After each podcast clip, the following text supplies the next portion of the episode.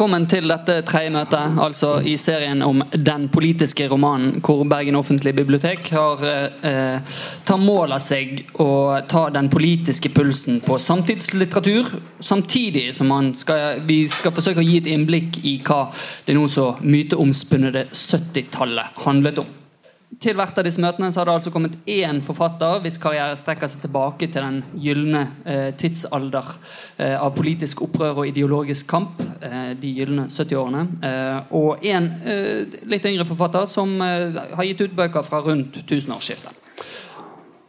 meningen har da vært at disse to skal samtale med min hjelp om det å skrive politiske bøker den gang og nå. Hva vil det si?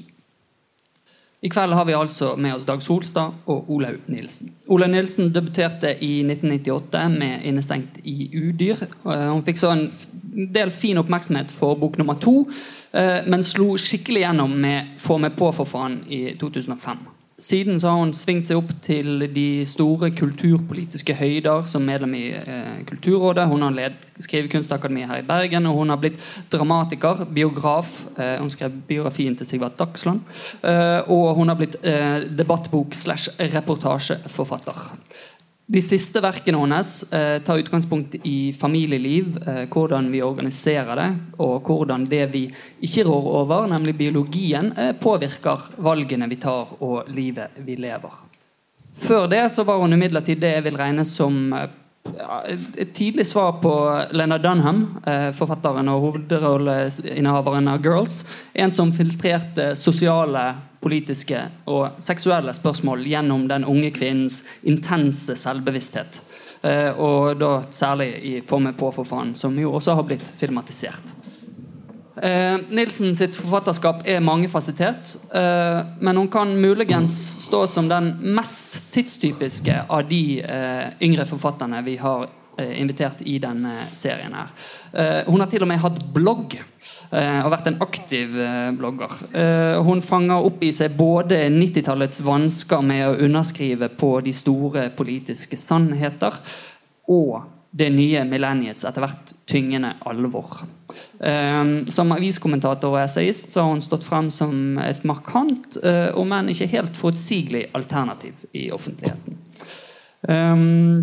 Så går vi over til eh, den andre, som eh, kanskje ikke trenger så mye introduksjon. Han får det likevel. Eh, Dag Solstad feiret 70 år i 2011 og ble behørig feiret som den viktigste nålevende forfatteren vi har i Norge.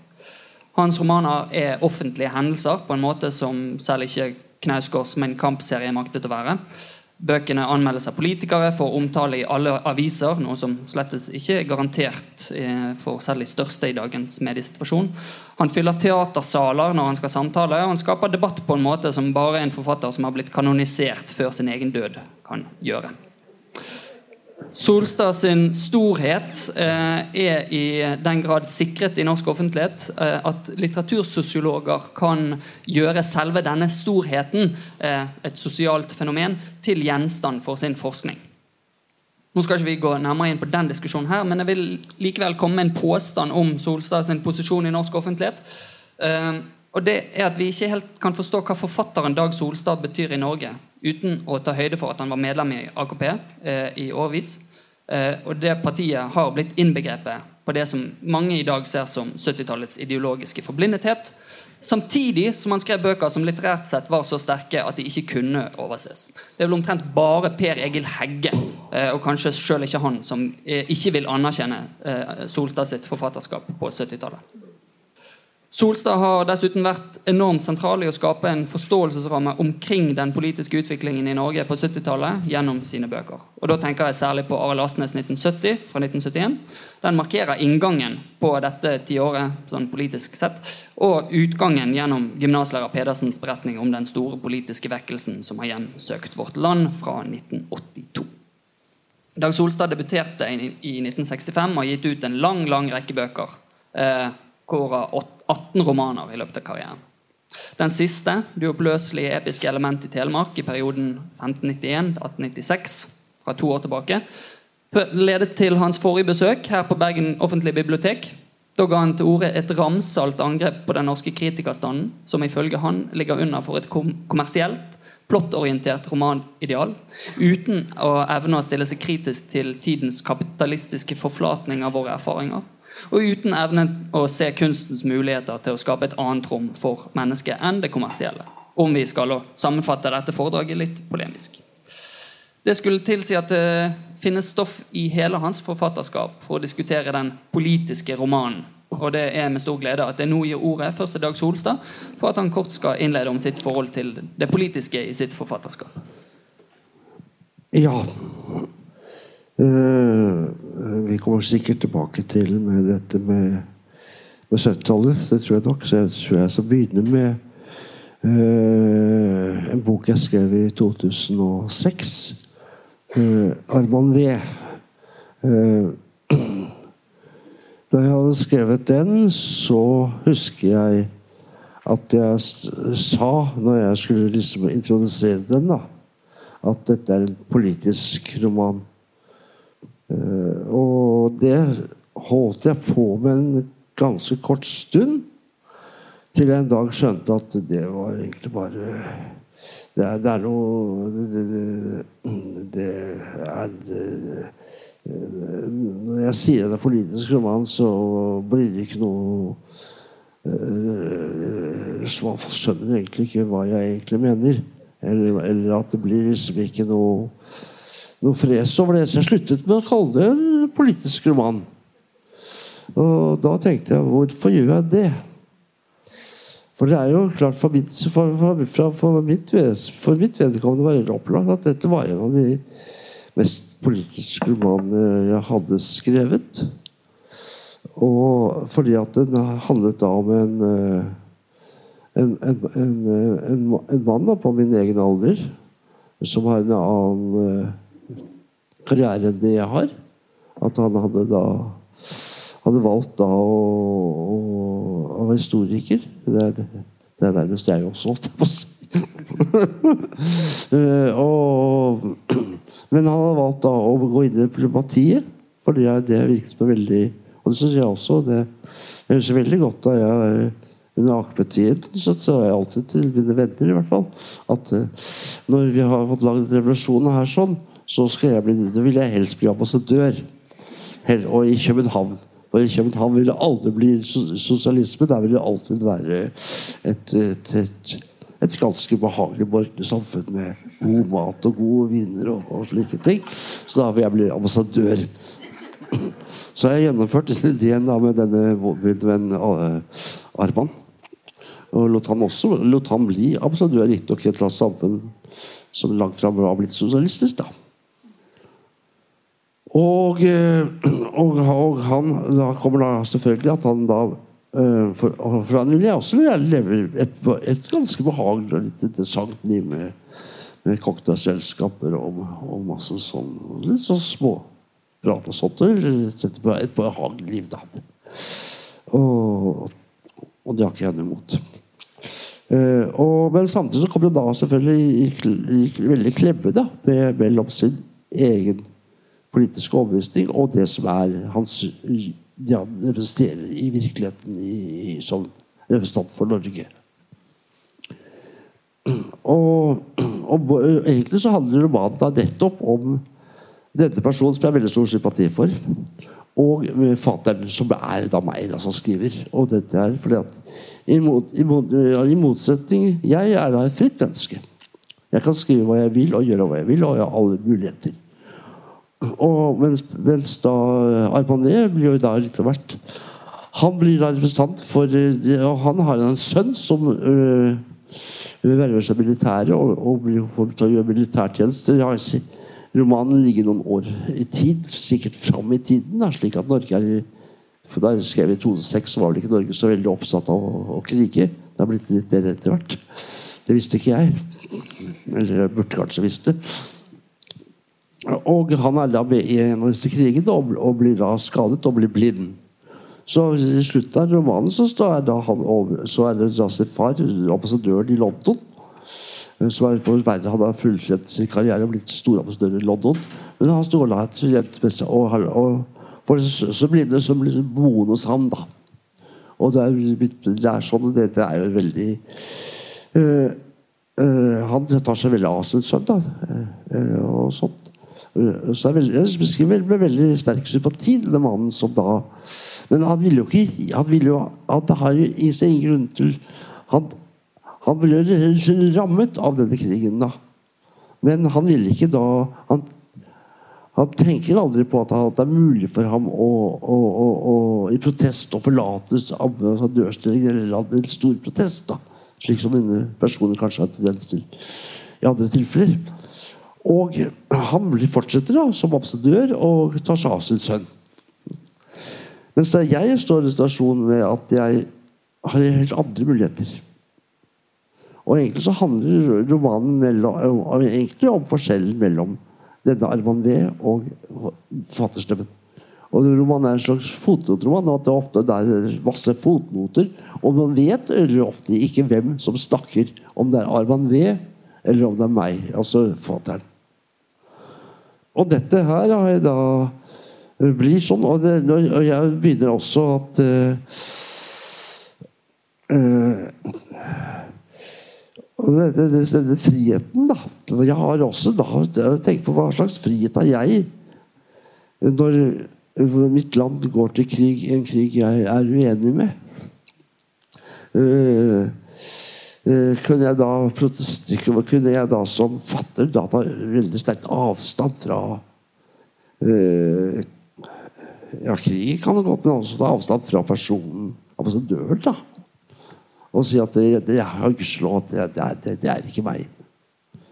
men det gjør jeg egentlig ikke. For jeg, jeg stiller og tenker Når jeg sier jo selv også da at når alt kommer til alt, så kan denne krigen være av den art at man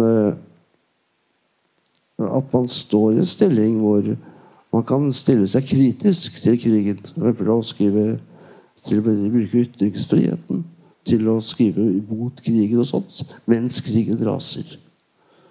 Eh, det, det, det, er selvfølgelig veldig vanskelig. Det er ikke umulig. Jeg innser at det kan jeg, kan jeg gjøre.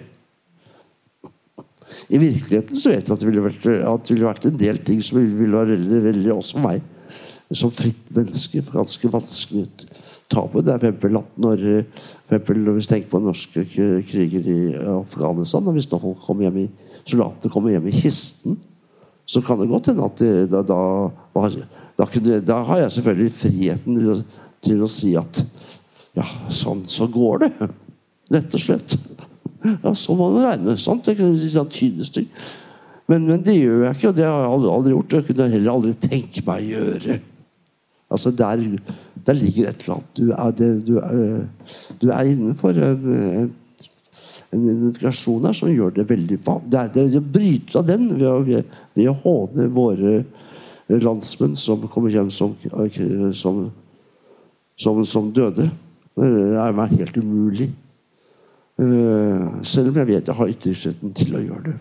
Men samtidig skal jeg tenke på at det kommer skjerp. ting kan også skjerpe seg så mye et, at det plutselig blir umulig også å bruke den ytringsfriheten. Og da sier jeg at ja, jeg bare blir med. Da. Det er nesten umulig. Jeg kan ikke tenke meg eh, det kan, Iallfall ikke under samfunnet. Jeg kan tenke meg at jeg er under et samfunn eh, jeg kan, altså Hvis dere sier si at Norge under høyreregjeringen da, eh, går til krig mot et eller annet land i tredje verden Syria, eller hva, hva heter de alle sammen så kunne jeg si at nei, det er jeg ikke med på. Og selv om situasjonen skjerper seg, at det blir nesten umulig og at vi regnes som landsforræderi, faktisk. Og kunne bare ytre seg mot den krigen som Norge deltar i. Eh, så eh, og hvis, og hvis det er en høyreregjering, så vil jeg bare si nei. Jeg avslører ikke høyreregjeringen så mye, da. Eh, en annen ting er at hvis det er Fremskrittspartiregjering eller enda lenger til høyre, så, vil, så, kan jeg stille spørsmål med hvert fall så lenge regjeringen høyreregjering, så, så, vil, så vil jeg være med på ferden, rett og slett. Og holde kjeft og være med på det. Og det, det, det er da Og det er kanskje sånne ting som gjør at når man skriver slik eh, roman med dette her, sånn, så, Så, så, så det er kanskje det som er årsaken at jeg fant ut at det var ikke noe jeg, jeg hadde ikke så lyst til å fortsette å si at dette, at dette var en politisk roman. Rett og slett. Og, og etterpå så hadde jeg skrevet en roman til. og Det var i 2006 skrev jeg roman ved.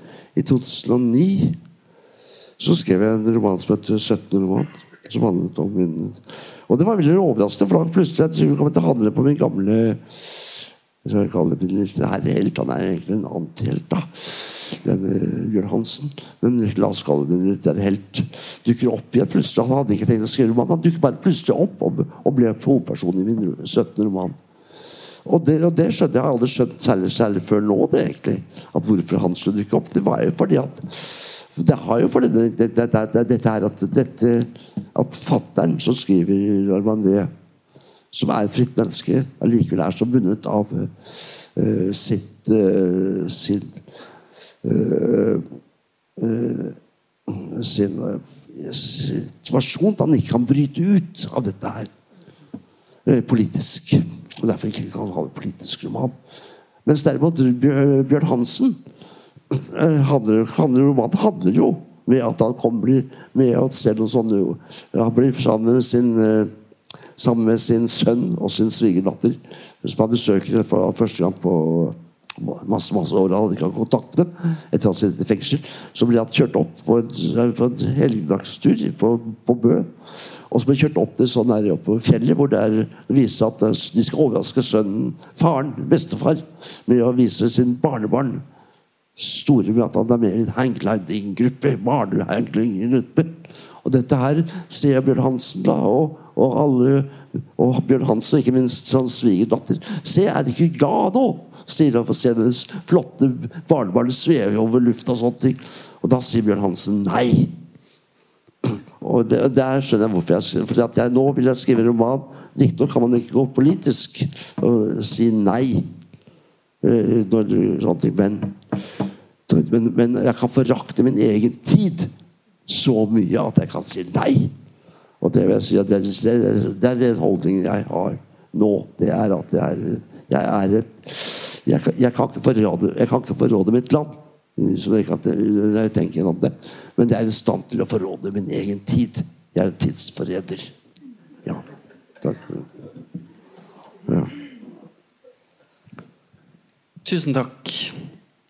Da gir vi ordet til, videre til Ola Nilsen. Og nå er det jo sånn at eh, de har fått eh, fritt eh, leide til å si det de ønsker om, om eh, politikk og litteratur og sitt eget forfatterskap. Så det er ikke sikkert at dette kommer til å henge så mye sammen med det eh, Dag Solstad har sagt nå, men så forhåpentligvis kan vi knytte det sammen i løpet av samtalen. Ja.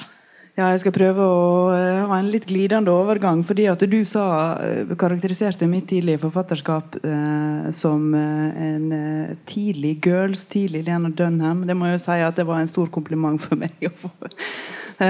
men samtidig så og, og, så sa du 'den unge kvinnas ekstreme selvbevissthet'. Ja, det er en god beskrivelse. Uh, og For å knytte det til det veldig interessante og fine som Dag Solstad nettopp sa, så kan jeg jo fortelle at jeg i 2006 skulle introdusere Dag Solstad på en opplesning uh, nettopp med Arman V. Der jeg presterte å kalle romanen for 'Arman den femte'. Da ble jeg fornærmet, tenker jeg. Ja, ja, ja, ja, ja, ja, Fornærma med god grunn. Eh, og når du nå starta med å snakke om Arman B, tror ikke det var det jeg huska? Og så måtte, først når du begynte å, å, fortelle om innholdet, så husker jeg jo det. Sant?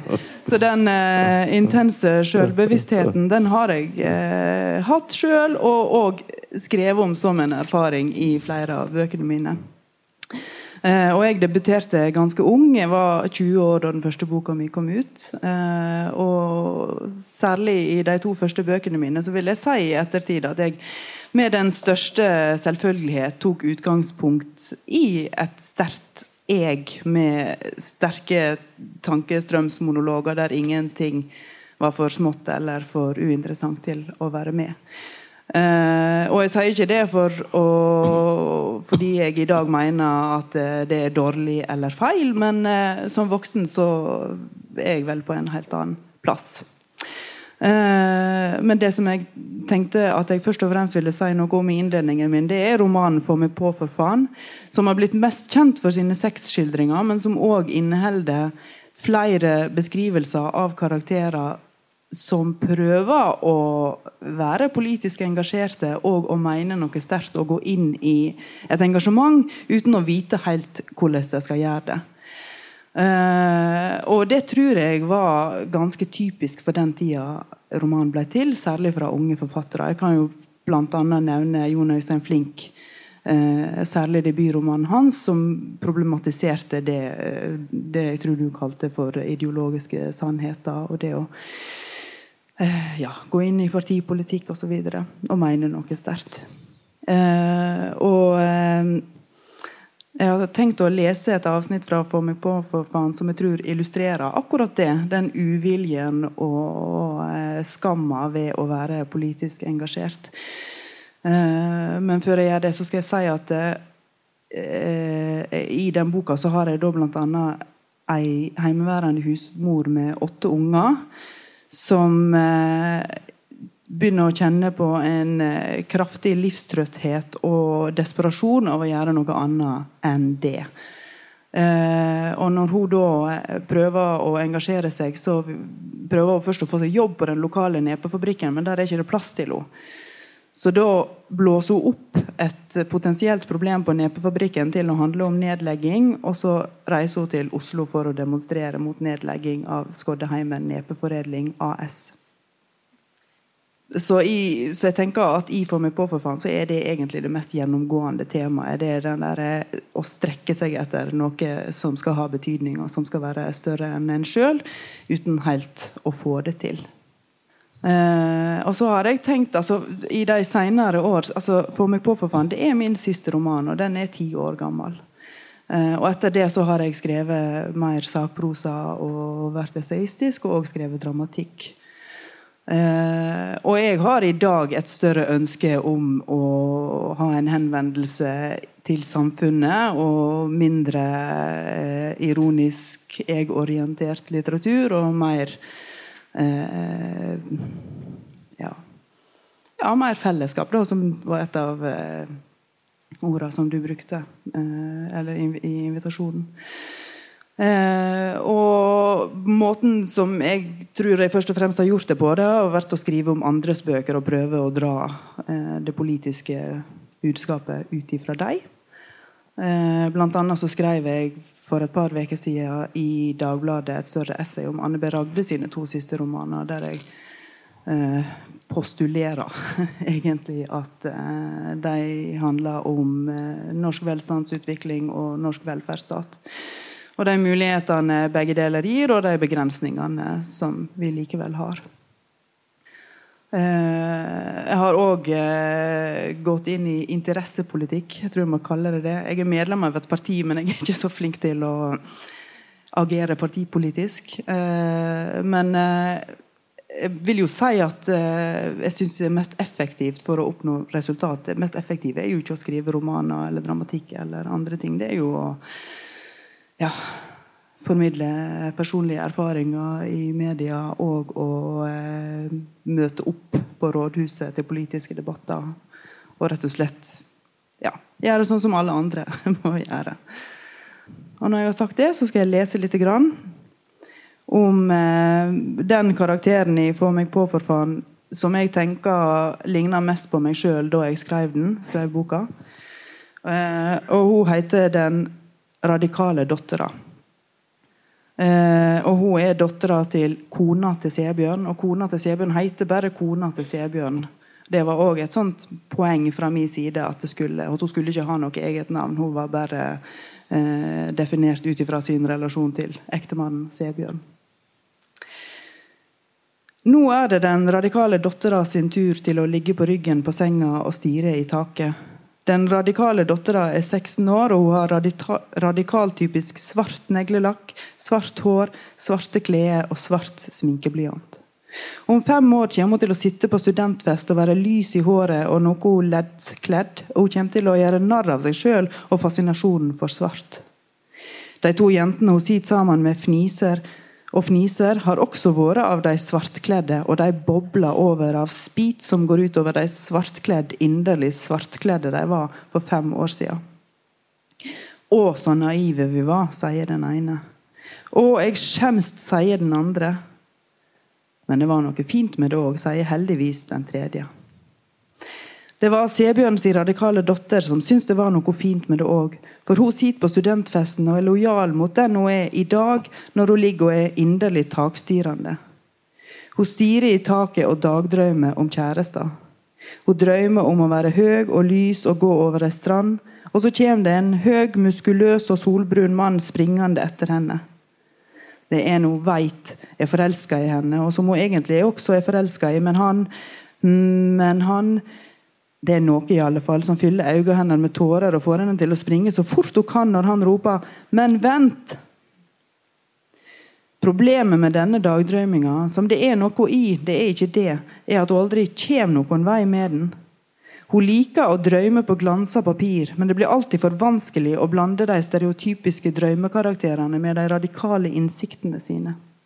Som til dømes er 'Jeg vil ikke være husmor'. Jeg vil ikke bli tatt vare på. Jeg vil ikke ha bruk for en beskyttende arm. Jeg vil ikke bli funnet, jeg vil finne. Og hun mener disse innsiktene, merker hun letta, for hun liker ikke drømmen lenger når hun liksom må gi etter og kysse den solbrune mannen. Så i stedet drømmer hun gjerne at hun er høy og lys og sitter på et møte i SOS Rasisme, og at det er hun som fører ordet uten å bli rød og stotrende pga. alvoret i utsegnene sine. Tusen takk. Um, hvis vi begynner uh, der Dag Solstad sluttet, med denne uh, viljen til å bryte ut, viljen til å si nei. Um, da Hvis vi leser eh, denne her eh, intervjuboken som Alf Ander Hagen har eh, skrevet med deg, så fremgår det der at du alltid var ja, Iallfall som sånn noenlunde voksen menneske definerte deg sjøl som en slags radikaler. Befant deg på, på en, en venstre side. Uh, men hvor tid uh, men, det, men, så oppstår det et eller annet ønske om å, om å, bryte ut. Og det er vel kanskje det som manifesterer seg i eh, medlemskapet i AKP. Men når oppstår det ønsket om det radikale bruddet med det, det samfunnet du befinner deg i? Det kom, veldig, det kom først da, da vi fikk bevegelse som var disse gærningene i Sufemmel. Som begynte å dyrke Mao og kulturrevolusjonen i Kina. Og, og det, det syns jeg var noe av det mest snodige jeg hadde oppfattet noen gang. Altså, jeg, var, jeg var veldig imot det, egentlig. Ja, og, og, jeg syns de var steingærne. Og jeg, jeg, kan ikke akkurat det var, men, men, så ble jeg veldig da opptatt av det. Jeg var vel også Jeg har vel egentlig vært som person så har jeg vel nesten alltid vært ganske desperat, egentlig. Og jeg sier slik at Da jeg skjønte at dette var, kanskje var et tog som, som, gikk, da, som kanskje var noe å satse på, så hadde jeg ikke lyst til å bli stående igjen når det toget gikk på perrongen. Det hadde jeg ikke lyst til. Så jeg kan si at jeg hoppet på i siste liten, hadde jeg følelsen av. Jeg ville i hvert fall være med. Det, ja. Så det er klart at ja. Jeg Var, det er liksom litt som Woody Allen, da. Han hadde satt også på et tog en gang hvor det, var, hvor det var jævla gøy på et annet tog. Det, folk danste og sang og. Og så aldri hadde satt sånn. Jeg hadde noe litt av den samme følelsen. Ja, det, så det var, det var hvis jeg snakker med andre Det var klart det var et helt uansvarlig valg fra min side. Det var helt opplagt. Så hvis jeg skal snakke om noe som en aldermann, så sier jeg at det var helt, det helt, var helt uansvarlig. Men jeg, var, jeg angret ikke. Det gjør jeg ikke. Og, men så nå ble det ikke revolusjon heller, da. Nei, det... det, det, det, også, det var alvorlig. Kanskje var det bra. Mm. Jeg vet ikke om vi hadde tålt det. Altså, Vi var for lite altså, i tanken på skal revolusjonen lykkes. Jeg er for revolusjoner enda. For eh, jeg er for sosialisme som mål. Men det er klart at veien er veldig øh, Ja. Jeg trodde det var nok med 7 ja. Jeg sa en gang Jeg vil også si at hvis, hvis vi altså eller SUF blir like stor som SV var på sitt høyeste, som den gang var, den gang var 7% så er det nok til å lage revolusjon. Og det er det altså ikke, dessverre. Det er det ikke. Det må være langt flere, kanskje 70 faktisk nå i dag. Jeg er redd for det. Så, men, så det er veldig, så det er veldig, veldig utopisk og veldig fjernt. Men det er klart man, så, så derfor er jeg egentlig ikke uh, som Akershus jeg, er for, jeg, jeg er for min fortid og for alt det jeg sto for. Men jeg vil ikke gjenta den for å si det sånn. Du, Ole, beskriver også noen karakterer som er til dels eh, ganske desperate. Eh, og vil på en måte ut av den situasjonen de befinner seg i. Um, men de, kanskje til, i motsetning til den unge Dag Solstad, så er det ingen tog som går. Nei, det, det, er kanskje godt observert. Eh, og det er vel noe med eh, den tida som, er, som, vi har vokst opp i, vi som er unge i dag. Vi har jo hatt det, vi har jo hatt det godt. Vi har hatt det veldig godt. Vi har, eh, og jeg tror ikke vi helt har skjønt det heller. Men vi hadde det mye bedre, faktisk. Hadde du det masse bedre? Ja, vi hadde mye bedre. Så, så det, altså i personlig lykke for folk av vår, av vår kategori, da, så var, var vi lykkeligere enn dere, egentlig. Ja, og vi hadde større framtidsmuligheter. Og, så jeg har alltid synd på alltid synd på ungdommen. Jeg synes de ja, ja. Ja, ja. da har det vært en grunn til. Men det har jo vært en, ja, for det har jo vært en del lidelseslitteratur som en ikke skulle tro skulle finne, finne sted i et land som Norge, med, altså så godt som vi har det. Eh, det. Det må jo gå an å si. Eh, og eh, det å finne ut av sin plass i et sånt samfunn som vi har, eh, har jo da altså Iallfall når jeg ser på mine tre romaner i ettertid, så tenker jeg jo at det er mye det det handler om. Altså bli voksen. Uh, ja, få seg jobb, være et anstendig menneske, og så famle rundt i blinde i mellomtida. Og bare det at uh, en har tid til å gå inn i den typen problemstillinger ja, det, det vitner jo om et samfunn som, der en egentlig har det bra. Eller der alt ligger til rette for at en skal kunne ha det bra. Um, men ja, desperate. Absolutt. Uh, og fanga av uh, oppfatninger og frykt for andre og frykt for uh, ja, ja, frykt for andres fordommer, da, rett og slett. Og fange av egne fordommer, kan en kanskje si. Særlig få meg på, for faen. Eh, men et tema som har gått igjen i denne serien eh, av samtaler, eh, er eh, den eh, eldre generasjonens eh, aksept eller oppdagelse av en eh, slags eh, favnende analyse av samfunnet eh, de lever i. Og som vi nå hører at Dag Solstad eh, ikke har gitt opp. Han har kanskje eh, tenkt, han tenker litt annerledes omkring strategien for hvordan eh, den analysen skal, skal, settes ut i livet, men, men det politiske målet ligger fast. den typen blikk, totale blikk for, for samfunnet ligger, har ligget fjernere for eh, eh, de yngre.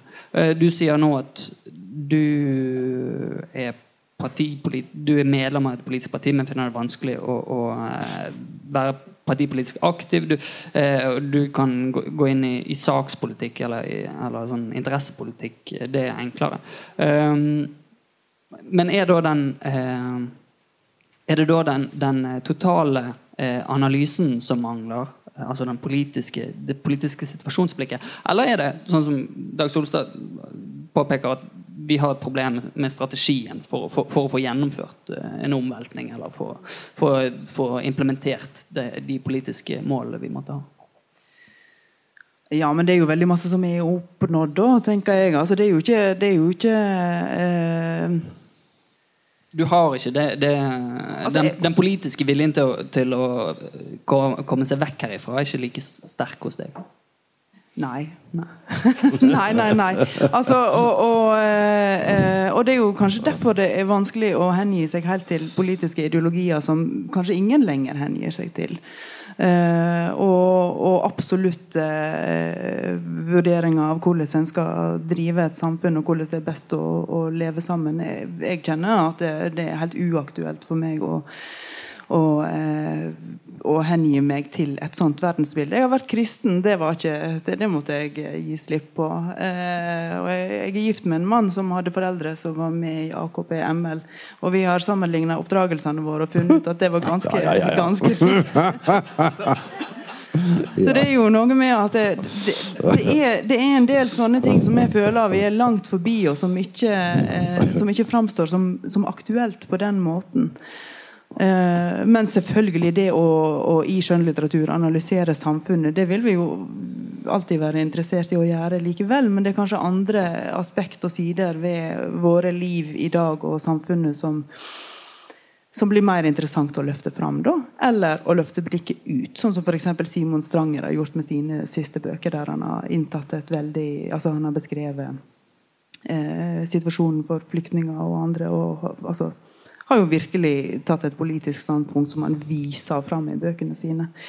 Og tenker også på eh, eh, altså Jeg tror òg at det er en annen vilje blant særlig yngre forfattere til å eh, vise fram bøkene sine på flere, i flere lys. da, F.eks. Kristina Leganger Iversen. Jeg har nettopp lest ferdig hennes eh, bok hennes siste bok. Eh, og nå sto det plutselig helt stille for hva den heter. da. Men eh, det er en veldig fin bok eh, som har høye litterære ambisjoner, og som helt åpenbart er en litterær bok. En litterær beskrivelse av abort, av sex og av eh, kjærlighet og av oppvekst. Eh, men når hun markedsfører den boka, eller nå skal snakke om den i intervju, det hun da sier, er at det er viktig å vise fram aborterfaringer i offentligheten. Så da velger hun en politisk standpunkt for, eh, å, eh, altså for å markedsføre nødvendigheten av sin bok. Eh, enda, enda når en da leser boka, så er den jo så masse mer enn eh, nødvendigheten av en sånn type eller å vise fram en sånn type erfaring. Ja, Det ble litt usammenhengende. Jeg merker jeg får veldig lyst til å dra fram med andre, ettersom det er så lenge siden jeg sjøl har skrevet noen romaner. Ja, siden du sjøl har skrevet romaner, men du har skrevet eh, andre ting. Og der, det knytter seg jo gjerne til noen sånne her eh, private eh, erfaringer. da. Og det er jo interessant. Dag Solstad, du eh, beskriver det politiske ved Arman B eh, som dette misforholdet mellom eh, forfatterens frihet og Arman Vs bundethet, samtidig som forfatteren da ikke egentlig evner å, å, å, å bryte ut. Um, dette her er jo en veldig sånn et veldig ideologisk, hvis vi skal kalle det, blikk for det politiske. Samtidig så har ditt forfatterskap sammenfalt med en periode der eh, eh, det Ola Nilsen snakket om nå, altså private erfaringer, eh, ble tatt frem som viktige eh, politiske tema. I hvor stor grad har det eh, påvirket disse, ditt politiske liv, og i hvor stor grad har det påvirket ditt kunstneriske liv? Uh, politisk liv har det ikke påvirket altså politisk, Jeg er jo ikke særlig politisk. Aldri vært særlig politisk akt interessert, jeg. Har vært, har Selv ikke når du måtte gå på møter nei, jeg, sånn? nei, jeg har aldri brydd meg om politikk, egentlig. Det er faktum. Det, det selv så, da, da jeg var radikal, så var jeg heller ikke Jeg kunne aldri tenke meg å velte av være politisk parti og sånne ting. Jeg husker at jeg under Økland sto på Grorud og så at eh, Trond Linné Eriksen, som var førstekandidat på SV, gikk rundt og vi delte ut løpesedler, og vi sto i vinduet og lo av ham. Tenk å bruke tida si på noe så meningsløst som å argumentere. Og da og både, og både Røkland og jeg var, ville stemt på vi, vi, var, ville, vi, vi, ville egentlig stemt på det partiet hans. Vi var enige med ham i politiske punkter. Men vi satt jo og lo av den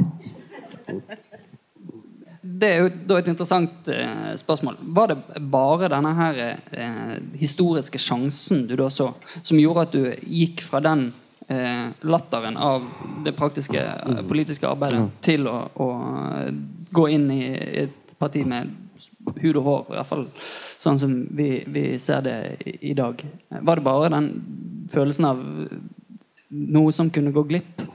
Som, som, gjorde at Ja, men det, det, det, ja, jeg syns også var det vakkert ved det. da det, det, var rett og slett Det er klart at Jeg har skrevet det Gymnaser Pedersen.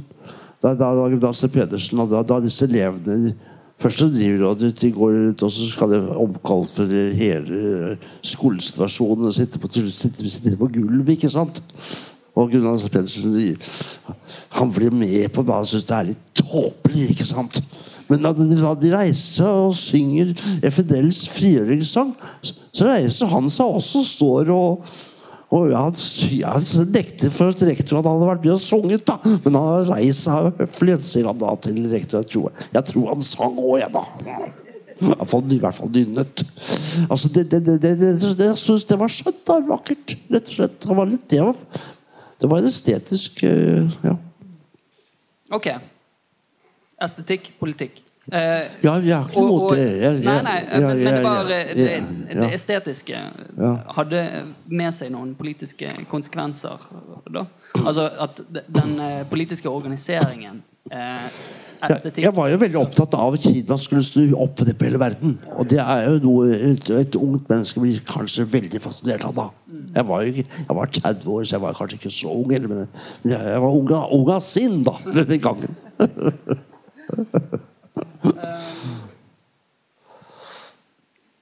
Har du noensinne opplevd en lignende estetisk eh, fascinasjon ved et politisk fenomen? Eller må den til religion, da? Ja, jeg må nok det. Eh, jeg kan ikke huske at jeg noen gang har blitt så engasjert i eh, en politisk idé at eh, at jeg har syntes at det var eller, særlig eller vakkert. Eller pakningen han kom i? Nei, det, jeg, jeg syns det har vært noe traurig over eh, mange slags politikk. Men det som interesserer meg i dag, det er jo den store felles offentligheten som vi ser gjennom sosiale medier, der særlig unge politikere deltar aktivt og diskuterer med andre. For meg så har jo eh, de ulike ideologiene og partipolitiske oppfatningene blitt enormt masse tydeligere de siste åra, bare gjennom å følge med en sånn eh, ja, hva skal vi si, en sånn ekstrem åpenhetskultur. Da, en sånn vilje til å diskutere og prøve ut ideer i offentligheten. Altså i sånne eh, mer eller mindre flyktige samtaler. Da. Mm. Um, så eh, jeg tenker at eh, For du var jo inne på det der med private erfaringer som, som politikk, og det tenker jeg er ganske sentralt i dag. Eh, på godt og vondt. Og, og at den der åpenhetskulturen som vi senest så på sosiale medier med hashtaggen 'jeg har opplevd', der både unge kvinner og voksne kvinner skrev om seksuell trakassering i konkrete eksempel. Eh, som jeg tenker Det er jo en helt ny måte å aksjonere på. Og det var jo en politisk eh, idé som lå bak, og så ble det jo kjempestort. Det var jo Charlotte som satte det i gang. Var ikke det Charlotte Myrbråten her på biblioteket? Var ikke det? Ja. Så jeg syns jo at det var Jeg fulgte det med interesse og syns uh, først og fremst at det var bra, men så ble det jo òg stilt spørsmål ved om noen av de som delte uh, brutale overgrepshistorier, hadde tenkt nøye igjennom å stå ved det med fullt navn og bilde i offentligheten.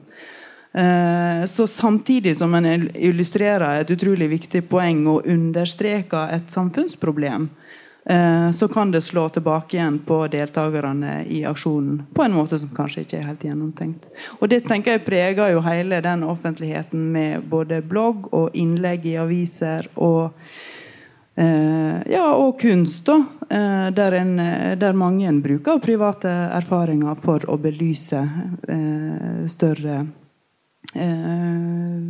Ja, for å belyse samfunnsproblem.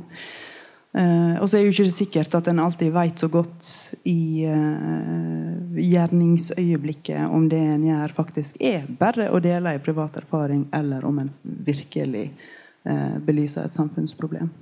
Mm. Og Det nevner jeg jo selvfølgelig fordi jeg har selv brukt private erfaringer til å prøve å belyse samfunnsproblem. Og Derfor har jeg tenkt veldig masse på det og sammenligna med andre lignende ja, opplegg. Men er det bare disse her private, mer eller mindre private erfaringene som kan bli Eh, politisk brennbare i dag? Er det bare Hvis vi ser på en av de, de store politiske samtalene vi har nå, så handler det om eh, eh de såkalt eh, altså asylbarna. Eh, som i hvert eneste tilfelle eh, der saken blir stor, så handler det om eh, enkeltsaker og eh, der vi kan knytte ansikter til, eh, til historien. Eh, saker som handler om tall og om hvordan vi kan eh, bedre sørge for en, en bedre flyktningpolitikk osv. Eh, har ingen sjanse for å nå gjennom i, i offentligheten. Sant? Kun når hundrevis av mennesker dør i, i Middelhavet, blir det et, et tema det er noen strukturer som ligger under eh, eh, den, den, situasjonen disse menneskene lever i, som ikke blir diskutert i den, i den eh, offentligheten vi lever i. Eh, blir da eh, det personlige politisk til at bare det personlige er politisk, og den egentlige politikken eh, ikke egentlig får oppmerksomhet?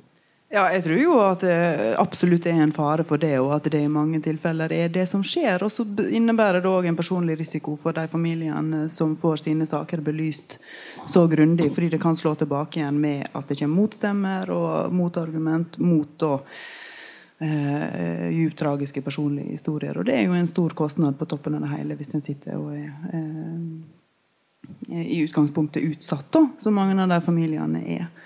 Eh, så, så, sånn sett så skulle en jo kunne ønske seg en eh, pendelsvinging tilbake igjen til eh, altså både kunst og litteratur og reportasjer og dokumentarer som ser nærmere altså som, som ser nærmere på, på strukturene og ikke nødvendigvis trenger enkelteksempel å, å knagge det på. Da.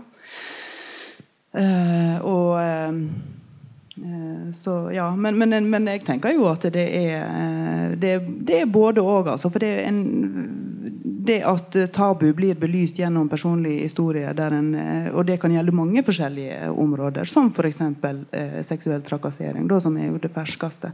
Men òg psykiske lidelser. Det er jo mange som har eh, skrevet om psykiske lidelser i, i full offentlighet, eller no, kanskje anonymisert òg, som har gjort at Eh, det blir eh, et større fokus på viktige temaer tema i samfunnet.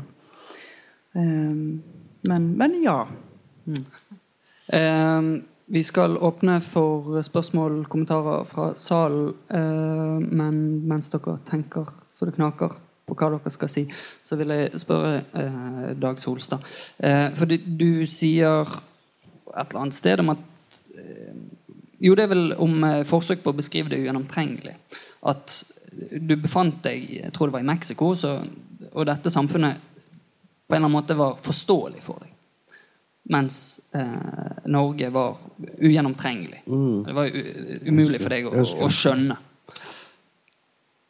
Og i dette her at du ikke forstår det samfunnet eh, du lever i, så oppstår jo også noe av denne diskrepansen mellom eh, deg og, og, den situasjonen du befinner deg i, og kanskje også da ønsket om å komme seg vekk, eller å, å si nei, melde, melde seg ut. Er da eh, det politiske ved ditt forfatterskap, er det et spesifikt eh, norsk problem? Altså, er, er forfatterskapet ditt i, Det er i hvert fall, det er hvert et problem for de, for de rike europeiske landene, i hvert fall. Det er det helt opplagt. Det, det kan være i hvert fall et skandinavisk problem, hvor du har noenlunde lik historisk bakgrunn og sånt. Vi er tross alt eh, I skandinaviske land så er det fremdeles eh, Selv ja, i Tyskland det er også i Spania for eksempel, er det veldig sjelden at en fatter min bakgrunn kan bli fattig. For eksempel. Enda er det jo det. I, i Italia også. De kommer jo fra eh, overklasse eller, eller middelklasse. Så, så, mens, i Sverige, Danmark og Norge så er det helt vanlig at vi er alminnelige folk som er forfattere. Er, og det er i hvert fall jeg glad for, siden jeg selv er et ganske alminnelig menneske.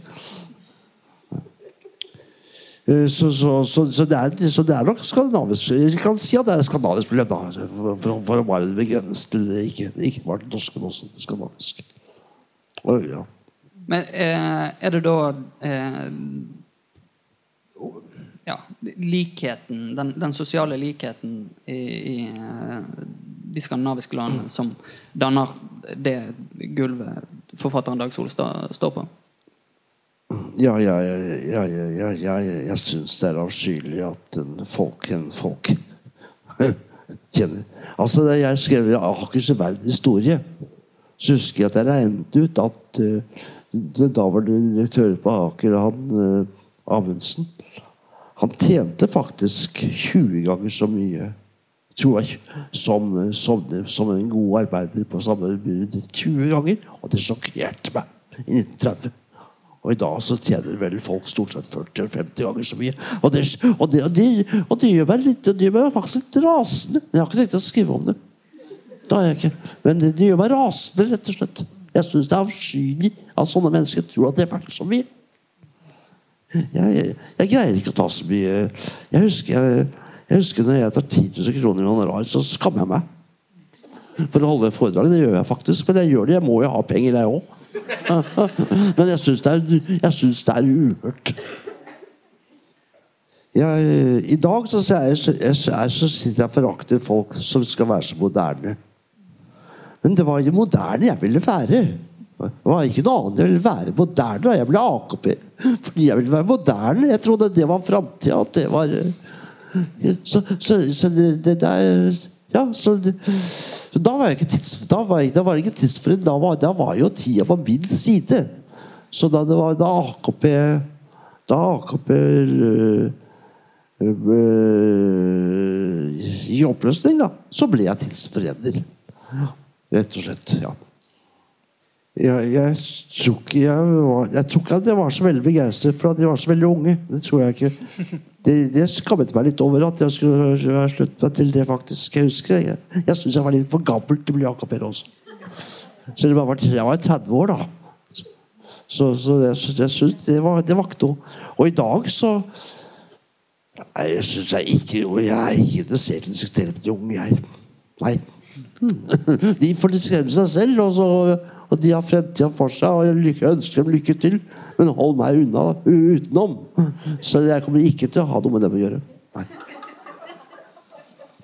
Så jeg har aldri vært ungdomsstyrker. Det har jeg faktisk ikke vært. Tvert imot så har idealet mitt egentlig vært gamle, kloke menn. Nå er jeg blitt en gammel, klok mann selv, selv, men det vil ikke være mitt eget ideal, så det blir litt dustete hele greiene. Ja, ja, ja, ja. Ja, ja da, min første da.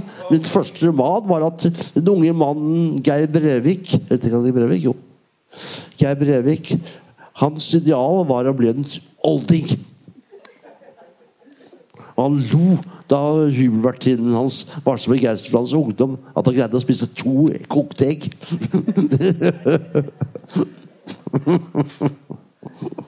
ja. Så jeg har alltid, hatt bestandig. De er jo stort sett altså Det er bare forandrer seg forferdelig lite. Det er min erfaring jeg gjør når jeg er blitt eh, 80 år. Jeg er ikke det, blitt snart 80 år. Det er, det er, man forandrer seg så veldig lite. Det, var noe, det, er, veldig Selv om jeg har skrevet bøker som er veldig forskjellige hele tiden, så er det nesten det samme hele greiene. Ja.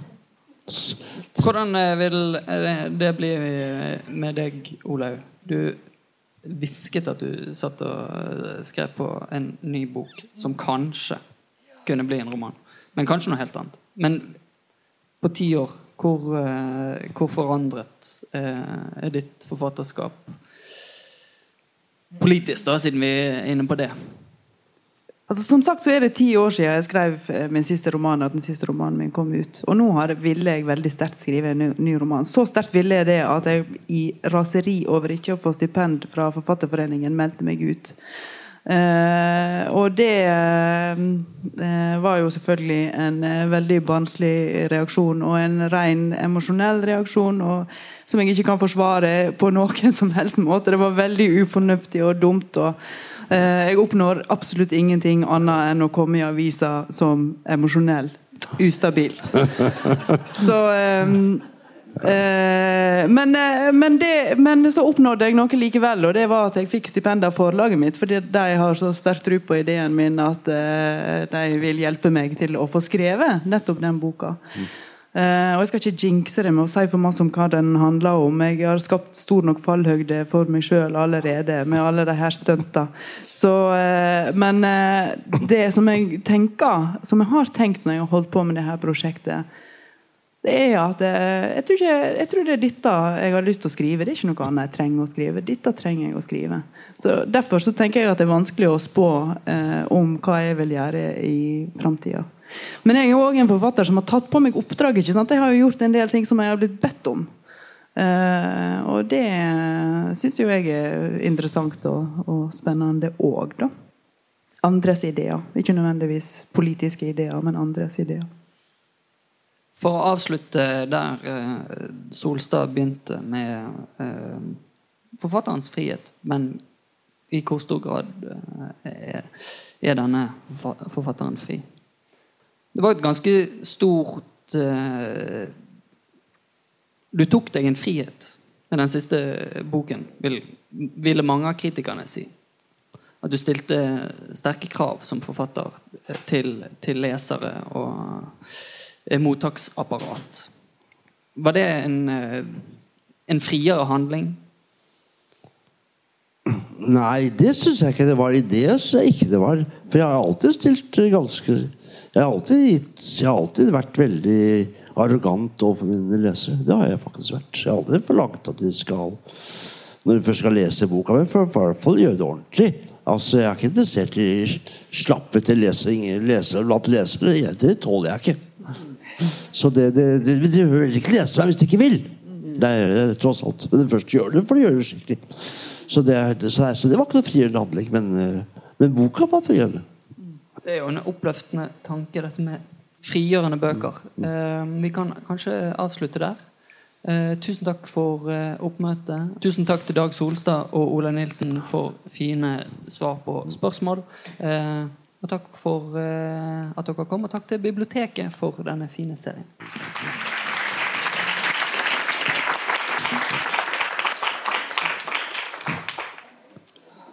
Ja, så skal vi ta det der nå. Ja, ja det må du gjøre.